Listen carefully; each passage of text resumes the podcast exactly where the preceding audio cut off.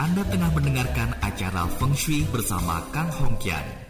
Anda masih bersama kami di Radio Sonora Network, sahabat Sonora, terutama untuk Anda yang baru saja tune in di Sonora Jakarta, Sonora Bandung, Sonora Purwokerto, Sonora Jogja, Surabaya, Bali, Semarang, Lampung, Medan, Bangka, Pontianak, Palembang, dan di kota-kota lainnya. It's Friday, hari Jumat lepas dari pukul 19 malam, saatnya Sonora Feng Shui. Harinya sudah tersambung bersama The One and Only, Pak Kang. Selamat malam Pak Kang. Selamat malam juga Ganhagia ke mana saja di kau selama ini. Saya juga bingung saya di mana. Pak Kang sehat. Ya begitulah, puji Tuhan. Luar biasa, kalau dari suaranya sih kelihatan sehat banget. Tapi ngomong-ngomong mm -mm. juga Ganhagia. Apa tuh? Ada Sherry Yvonne ada video sukses dan kaya buah kehidupan baik dan bijak. Kakak mau nanya katanya. Mm-hmm. Apakah bisa jika kamar mandi di lantai dua, posisinya tepat di atas dapur yang di lantai satu? Apa Tidak. bisa nggak? Nggak bisa.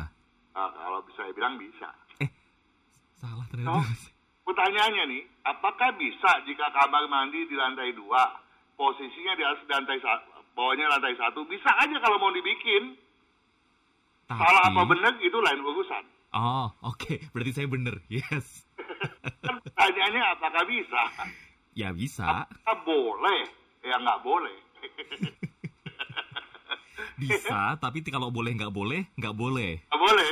Ah. kalau bisa itu urusannya yang bikin. Saya deg-degan jawaban salah loh.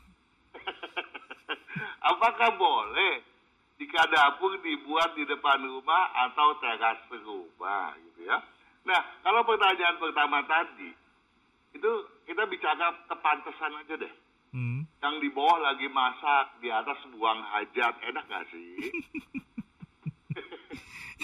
ya dah? Ngebayangin aja udah pusing. Nah, itu jawab sendiri aja deh, boleh nggak gitu kan? Uh, uh, uh. Mestinya kan nggak pantas ya. Uh, iya. Nah, sekarang kalau di dapur, adanya di, di depan rumah di teras. Karena kitanya jualan makanan. Kita loh yang jualan makanan. Kita dapat punya saham loh ya. Jadi kita kan dia bilang. Kami. Bisa bisa sih bisa. Oke. Okay. ya nah sekarang itu juga nggak masalah ya.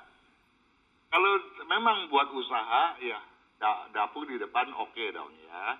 Tidak ada masalah ya.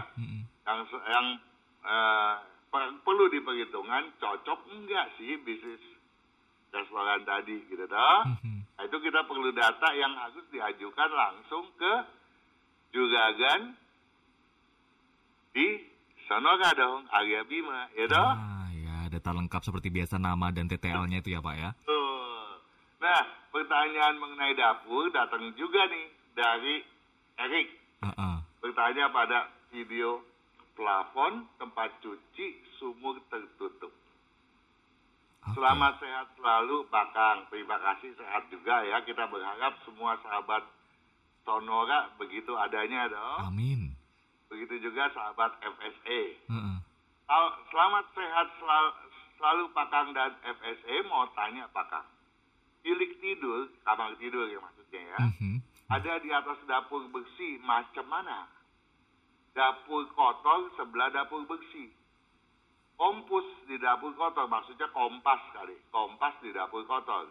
Nah sepanjang kompasnya itu di dapur kotor, dia itu bilik tidurnya, kamar tidurnya di atas dapur bersih yang ada masalah. ya. Jangan aja tempat uh, dapurnya uh, uh, tempat tidur itu kemudian melampaui dapur bersih sehingga berada di atas dapur kotor ini yang nggak boleh. Kalau bersih boleh, dapur bersih boleh. Boleh, karena di dapur bersih kan nggak ada acara masak memasak karena dap eh, kompor yang ada di dapur kotor. Masang kompas di dapur buat apa, Pak? Iya, maksudnya kompos itu maksudnya kom uh, kompor. Oh, saya kira tadi masang kompas penunjuk arah itu. Eh, maksudnya kompor ya. Oke, maaf maaf. Oke. Pak Kang terima kasih. Selamat malam. Pak juga guys, selamat malam. Sukses selalu. Terima kasih. Pak Kang dan Haria pamitan dulu sahabat Sonora. Ketemu lagi minggu depan. Bye-bye.